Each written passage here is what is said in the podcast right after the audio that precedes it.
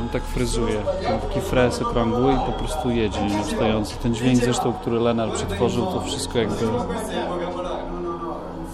e, jest właśnie z tego, to jest ten dźwięk. A tu jest serce wystawy, tu jest człowiek. To oczywiście fajnie od początku, nie? Ale oni zaraz skończą. Benz Radio prezentuje.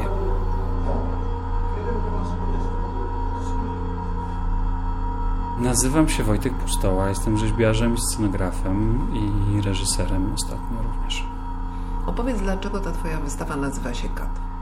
Bo cięcie, bo rana, bo koniec ujęcia, bo wszystkie te rzeczy naraz i uznaliśmy, że to angielskie słowo jest najbardziej pojemne i ma w sobie te wszystkie rzeczy, które też pojawiają się na wystawie.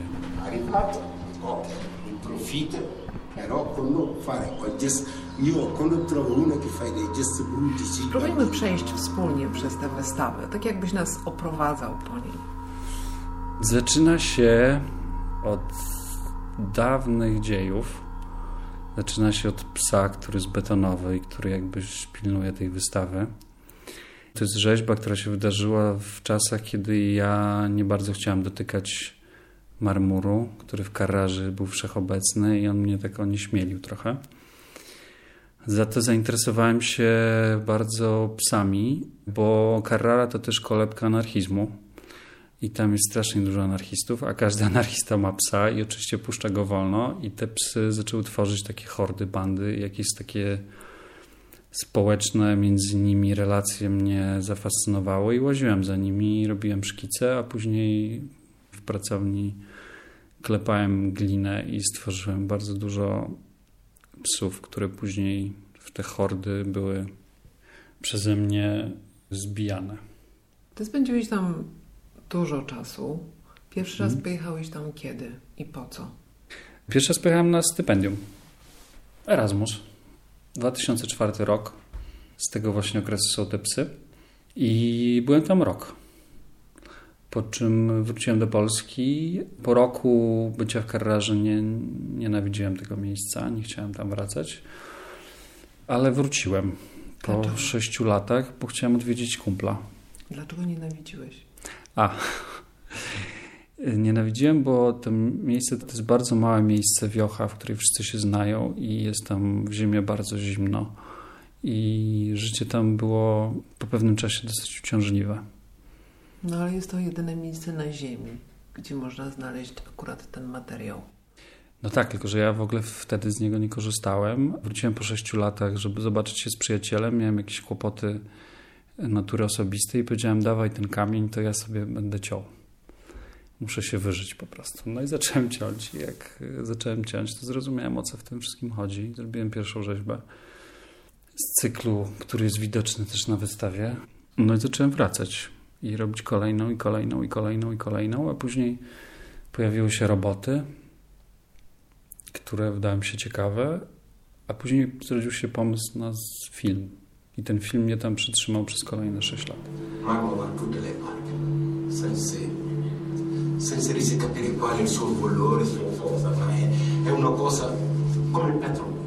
È più importante il petrolio, secondo me. Ten film nosi tytuł White Cube. Jakie jest połączenie tego tytułu z treścią?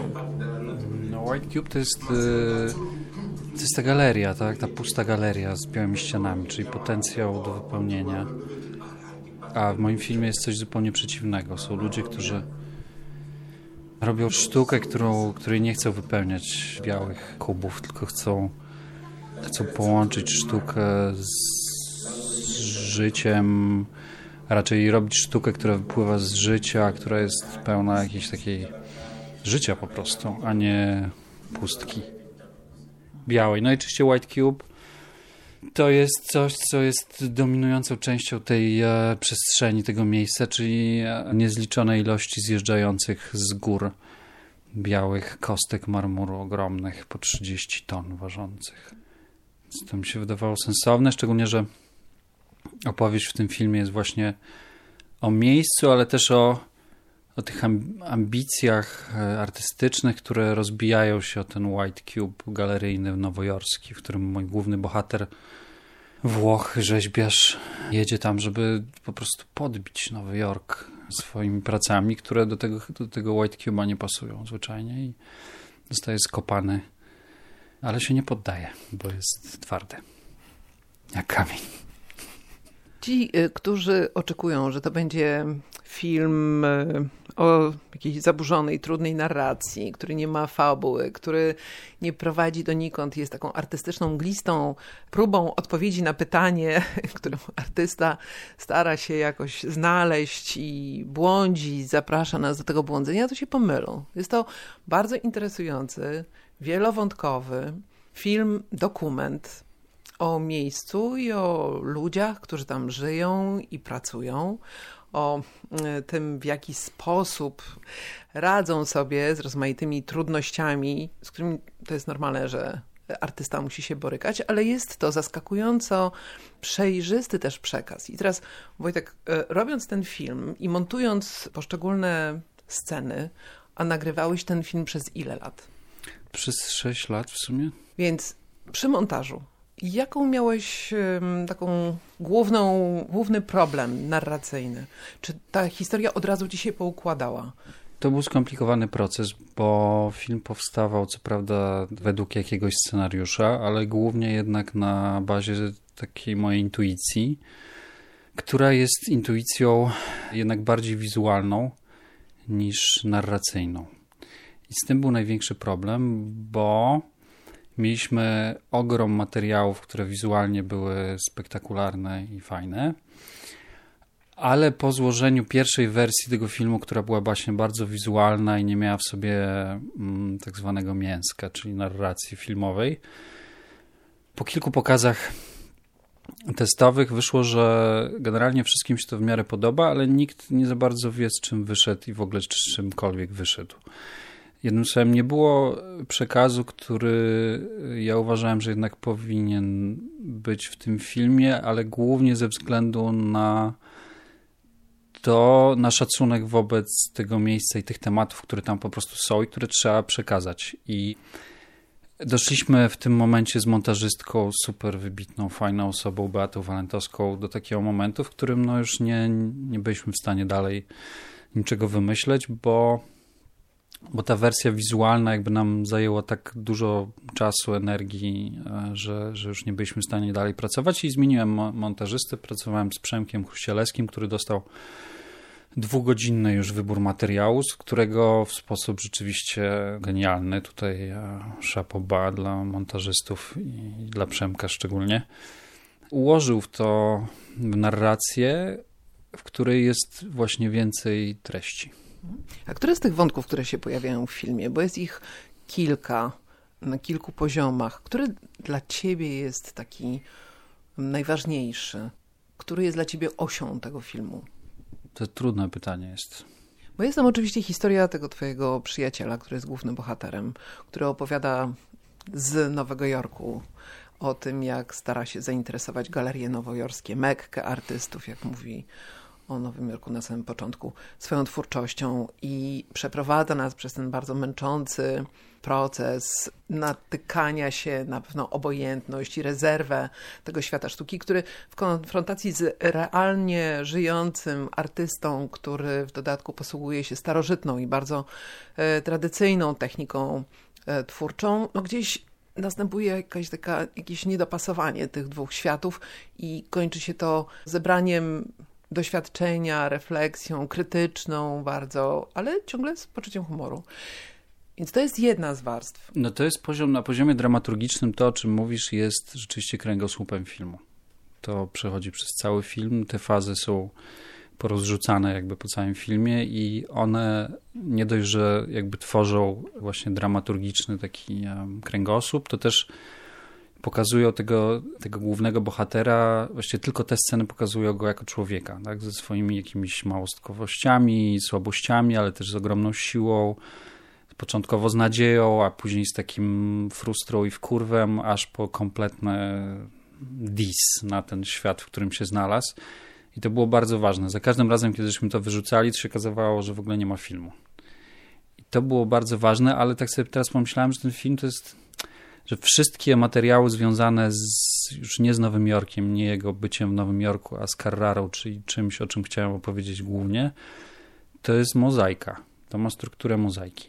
I to jest trochę ciężko powiedzieć, która część mozaiki jest tą najważniejszą, bo tylko jak się na to patrzy w całości i z oddalenia, to widać właśnie całość tak jak trzeba. No, no bardzo dla mnie ważne są te fragmenty powiązane ze starym mistrzem, z Gigim Guadagnucim, którego żeśmy trochę przyłapali pod koniec życia i świadomości jakiejś takiej. Udało nam się od bardzo już starego człowieka, legendy w zasadzie, on nam dał coś, czego podobno nikomu nigdy nie dał, to znaczy szczerość.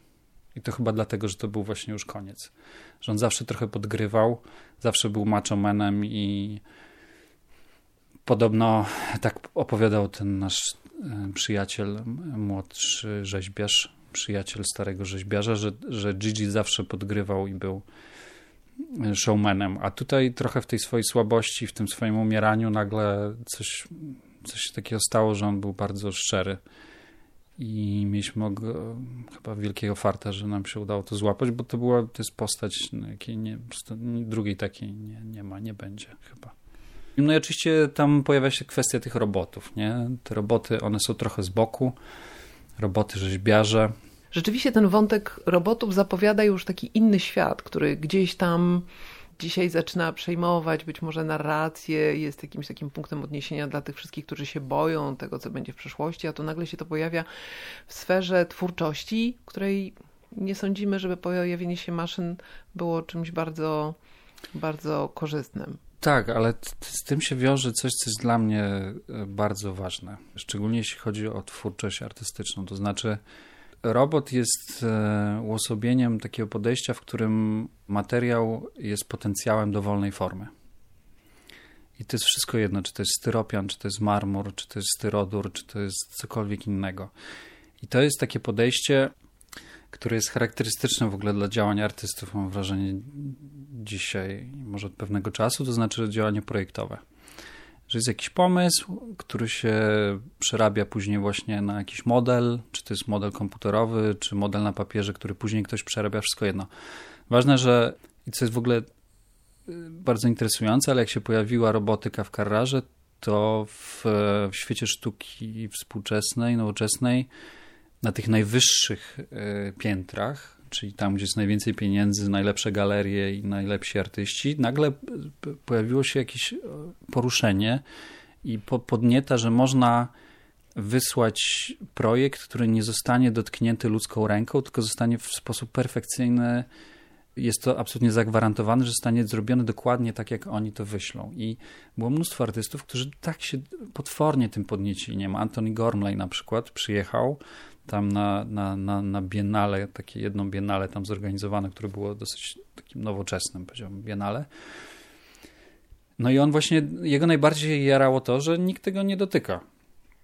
Że on ma pełną kontrolę nad tym, jak przerabia właśnie ten starodawny, nacechowany właśnie tak historycznie materiał w sposób, który jest świętokradztwem. To świętokradztwo było najbardziej podniecające.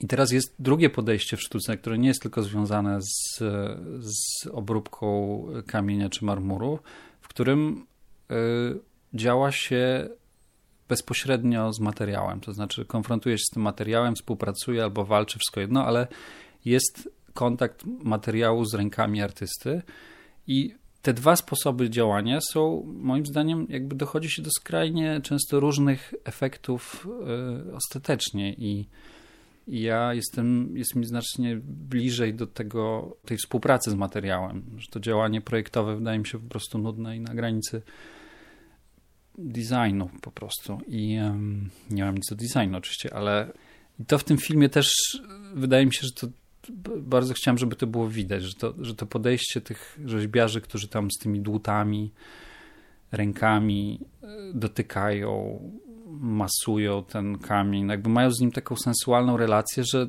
bez względu na to, co z tego wyniknie, bo nie zawsze te rzeźby przez nich robione ręcznie są jakieś wybitne, ale jakby jest tak skrajna różnica i to podejście też jakby implikuje w ogóle podejście do całego świata. I to, też ten stary rzeźbiarz, który był tym freestyle'owcem, który, który nawet nie miał modeli, on wszystko jakby coś tam widział albo miał pomysł i po prostu robił i, i to od razu widać, że ten człowiek jest innym człowiekiem niż zimne ryby sztuki współczesnej.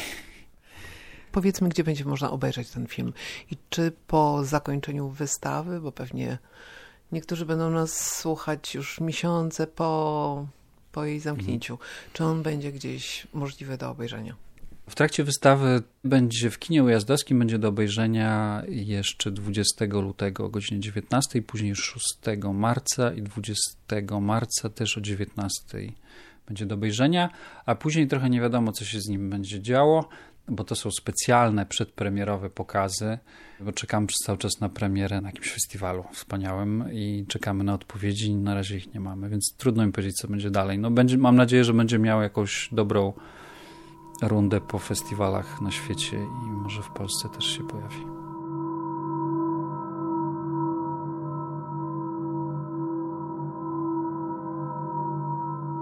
Na tej Twojej wystawie jest kilka elementów, które można byłoby wziąć za żartobliwe, albo przynajmniej takie, które prowokują, nie są bardzo serio, wykorzystują materiał albo nawiązania do historii tego materiału, to żeby stworzyć zupełnie inną narrację, taką, która przełamuje wizerunek marmuru jako czegoś bardzo stabilnego, bardzo ekskluzywnego, bardzo niedostępnego dla masowego odbiorcy. I pokój, do którego w sumie trudno jest trafić z pomieszczenia, gdzie oglądamy projekcję, wypełniony jest cały pyłem, z którego uformowałeś góry. Tak, to jest moczka marmurowa, wapienna. To jest to, z czego się składa marmur. Ten pył jest w miejscu, gdzie pracuję, pracujemy, jest wszechobecny. I też ten pył jest, ostatnio okazało się bardzo wartościowy to znaczy, powoli pył staje się bardziej wartościowy niż ten materiał, ponieważ wykorzystuje się go do wypełniania bardzo, bardzo wielu rzeczy. Od przemysłowych różnych klejów, farb czy innego rodzaju takich historii, ale nawet się to wrzuca do jakichś takich spożywczych produktów. Nawet podobno się to wrzuca do mleka modyfikowanego dla noworodku, bo to jest czysty wapień. To jest wapno, które nie szkodzi kompletnie, to znaczy jest, e, jest organiczne i e, jest idealnym wypełniaczem do wszystkiego. No i to jest też trochę, wydaje mi się, też za, zabawne, że zaraz oni będą wydobywać ten, te góry, będą wycinać po to, żeby, żeby przerobić jak najwięcej tego pyłu co dla otoczenia, czyli dla gór, dla natury, jest w zasadzie dobrym procesem, bo wcześniej oni to wszystko po prostu zrzucali gdzie popadnie i robili okropne spustoszenie na stokach górskich, które się przyistaczały w takie pustynie. To miejsce generalnie jest na poziomie takim ekonomicznym w ogóle nieszczęsne. Całe Włochy to jest, to jest jakaś upadająca, topiąca się łajba. Wszystko tam się zamyka, wszystko, wszystko się tam kończy, mam wrażenie. Są jak Grecja, tylko że to dłużej trwa, no oni się zatopią też niestety.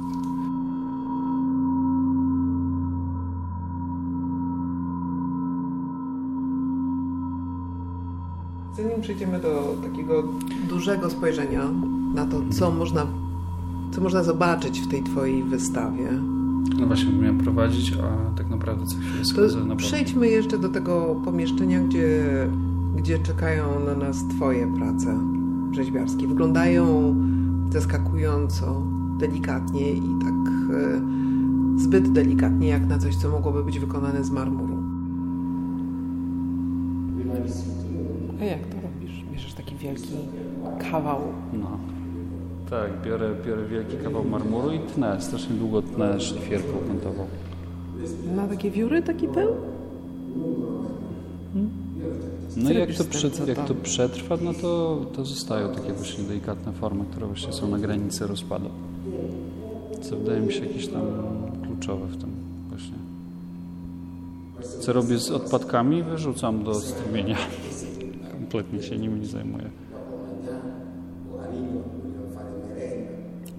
Wiesz, tam na miejscu ten marmur to jest jak e, jakby nic nie warty. W sensie tam wszystko jest z marmuru, stoisz na marmurze, chodzisz po marmurze, krawężniki z marmuru, wszystko z marmuru. Oczywiście ten materiał jest wyjątkowo jakoś taki szlachetny i to też czuć widać. Są takie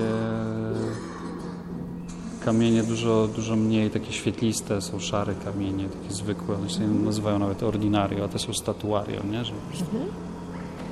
statua pomnikowa. Nazywasz je jakoś? No właśnie nie nazywam, bo w, wszyscy chcieliby wiedzieć, jak się nazywają, gadają mi jakieś przedziwne różne e, nazwy, a ja od samego początku one są bez tytułu i to też jest One wyglądają na bardzo delikatne. Tak, no właśnie trochę byłem zestresowany, jak żeśmy to pakowali do skrzyni, to trzeba było przewieźć, nie, bo no ale przyjechały, nic się nie rozwaliło. One są trochę jak roślinne, czyli wyglądają delikatnie, ale tak naprawdę są takie dosyć mimo wszystko wytrzymałe, też formy te owalne, one powodują, że one nie pękają tak łatwo, znaczy, że funkcjonują jak, jak takie, jak w kościołach są takie sklepienia kolebkowe, nie? że to ciężej jest to. No dobra. Chodź pójdziemy w takim razie tam, gdzie jest w miarę cicho i porozmawiamy o tym. Mhm.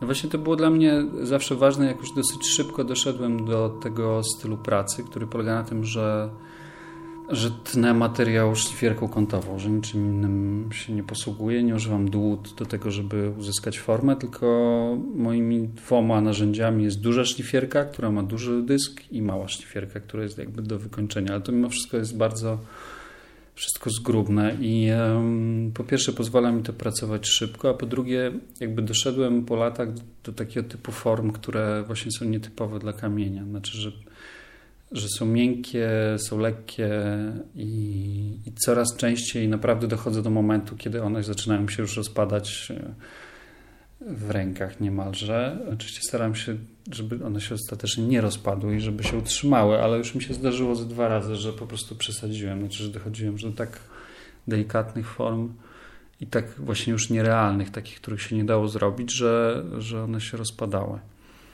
Dla mnie to jest taka, taka czysta, sensualna radość z kontaktu z tym materiałem, który mnie doprowadza właśnie do form, które są nietypowe. Nikt tam tak nie rzeźbi. Raczej na mnie patrzą jak na wariata, że, że właściwie marnuje materiał. Oni tam latami siedzą nad tymi swoimi rzeźbami i rzeczywiście technicznie to jest bardzo trudne to, co oni robią i dlatego to tyle trwa, no ale efekty są zazwyczaj, zazwyczaj są mizerne, te efekty są. I ja to robię dużo szybciej, nigdy nie miałem dużo czasu, żeby tam siedzieć właśnie latami i się uczyć tego, tylko przyjeżdżałem dwa tygodnie, robiłem tę rzeźbę i wyjeżdżałem. No i tak, tak.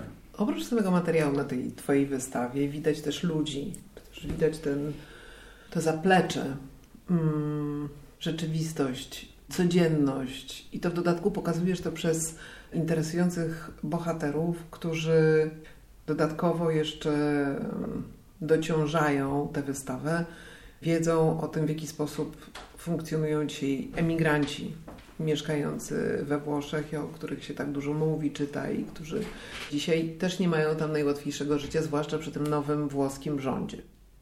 No nie mają. Trudno mi sobie wyobrazić właściwie, jakie oni mają życie. Trochę oczywiście wiemy o tym, ale myślę, że nie za dużo. A ja zdecydowałem się pokazać takiego człowieka, który jest imigrantem starej fali z lat 80., który już jest tam 30 lat i zna język, ma pracę, jest tam w miarę ustabilizowany, ale ta stabilizacja jest jakaś taka nieszczęsna. To znaczy, on widać, że przez cały czas jest bardzo biedny, mieszka w jakiejś w zasadzie norze, w której, której nie może ogrzać. Jego dzieci są chore, on jest chory. Żona najmłodsza z Senegalu, którą sprowadził, bo jest muzułmaninem, więc ma ich pewnie mnóstwo tam. Okazuje się, że nie za bardzo w ogóle się polubili, bo oczywiście się nie, nie bardzo znali i ona przyjechała i on jej nie lubi. No wszystko to jest takie nieszczęsne i to, to jest taki materiał takich, właśnie takiej słabości, bo wszystko, co jest wokół na tej wystawie jest, jest powiązane z tym materiałem, z tym monumentalnym materiałem, który nawet w formie pyłu tworzy coś, co jest monumentalne, nawet jeśli w małej skali. I ważne było dla mnie, żeby przełamać, przełamać jakby tą tendencję, tę tendencję i w środku trochę jak serce bijące dać człowieka, który rozmawia z drugim człowiekiem w sposób taki super ciepły też. Ich relacja tych dwóch bohaterów jest bardzo ciepła, męska przyjaźń. No i ten e, czarnoskóry człowiek z Senegalu, Alex, on e, tam pracuje przy marmurze oczywiście. Co prawda dostaje połowę stawki, którą normalnie powinien dostawać, ale od tych 20 czy tam 30 lat jest e, mistrzem tak zwanym il posatore, czyli mistrzem od układania systemów podłóg marmurowych i ścian marmurowych. Jeździ po całym świecie i tym szejkom i bogaczem to wszystko, wszystko układa. No. no tak, no taka niesamowita postać, których tam jest dużo. W ogóle też przyczyna, dla której ja tam wracam, to są ludzie. Ludzie i to, w jaki sposób relacje się układają, są bardzo ciepłe, bardzo proste, ale ciepłe i, um, i oni, oni tam są trochę zakonserwowani jak w jakimś takim starym świecie. Oni nie za bardzo się interesują nowoczesnością. Te, te, roboty to jest coś, co jest obok i ktoś się tym zajmuje, ale tak naprawdę to oni przez cały czas realizują taki trochę mit romantycznych rzeźbiarzy, którzy oprócz tego, że rzeźbią, to też żyją, piją wino i tak dalej. To brzmi oczywiście trochę teraz jakbym się nabijała, ale tak nie jest. To znaczy oni faktycznie potrafią żyć. Jak tam się pojedzie, to, to można naładować nieźle akumulatory swoje. e lì mi dirà vaffanculo. Non è uguale un conosciuto che passa messo alla strada, vedi il brutto degrado, pezzi di merda, vaffanculo. Quello lì non mi importa niente, ma quello lì che l'ha salvato il culo io, mi metto a dire vaffanculo e mi incazzo. Questo è il problema. Di notte c'è un grosso casino. Guarda, tutta l'antibiotico prende, prende, prende male. Questo clima qui Jesteś też znany z pracy, którą wykonujesz w teatrze. Tworząc mhm. E, scenografię, zajmujesz się tak naprawdę tworzeniem całego świata, w którym odgrywają się rozmaite historie. Czasem ta scenografia jest jednym z bohaterów. I powiedz, e, ten świat teatru, właśnie zamknięty, ograniczony sceną, co jest takiego, co cię w tym pociągnęło? No, teatr mnie wciągnął, właściwie wciągnął mnie Ziemilski do teatru. Wojtek Ziemilski i ta nasza współpraca była bardzo wartościowa i dlatego zostałem, że z Wojtkiem się po prostu pracuje. Można robić rzeczy, których się nie robi w teatrze. I ja nie jestem wielkim fanem teatru dramatycznego, muszę się przyznać. I rozbuchanie scenograficzne teatru zawsze wydawało mi się kompletną aberracją i absurdem. Dlatego zawsze prosiłem Wojtka i właściwie rozumieliśmy się bardzo szybko, żeby stosować minimalne środki, które są konieczne. Znaczy, że jeśli coś nie było konieczne, to zawsze żeśmy z tego rezygnowali. Mimo, że oczywiście wiele się pojawiało różnych właśnie błędnych interpretacji tego, co powinno się pojawić na scenie, to zawsze była redukcja i zawsze dochodziliśmy do czegoś, co bez czego nie dało się pociągnąć dalej spektaklu, albo coś, co wprawiało w ruch pewne treści, które bez tego by się nie pojawiły. I to było zwyczajnie ekscytujące. Nie wiem, czy z innym reżyserem byłbym w stanie zrobić takie rzeczy. Mhm. Więc to ściśle połączone rzeczywiście z, os z osobą. A jak Ci w ogóle współpracuje w takich tandemach? Jak z Wojtkiem to już powiedziałeś. Kuratorką Twojej wystawy jest Ania Czaban, która siedzi tam koło Wspaniale mi się pracuje. No wspaniale, przecież to jest idealne, wymarzone zakończenie dla naszej rozmowy. Wspaniale mi się pracuje, uwielbiam pracować z ludźmi. Dlatego też dobrze mi było w teatrze, bo teatr daje poczucie spełnienia dosyć szybkiego, sztuka daje poczucie spełnienia e, nie zawsze. I e, ta wystawa dała mi poczucie ogromnego spełnienia, bo wreszcie jest, byłem w stanie opowiedzieć o tej historii, która się działa we mnie przez naprawdę wiele, wiele lat. Trochę dlatego też mi tak nie było długo na tak zwanej scenie artystycznej, albo rzadko się pojawiałem, bo ja przez cały czas tkwiłem po prostu w tych e, marmurach. I ta wystawa plus film dokumentalny White Cube, który właśnie e, się też narodził, jest porodem tego dziecka, które, które właśnie przedstawiłem warszawiakom i Polakom. Moi włoscy przyjaciele bardzo byli, którzy przyjechali z Carrary, tutaj na otwarcie dwóch ich było, byli, czuli się jak w domu. To był największy, że tak powiem, pochwała, jaką mnie spotkała. Dobrze się czuli w tym miejscu.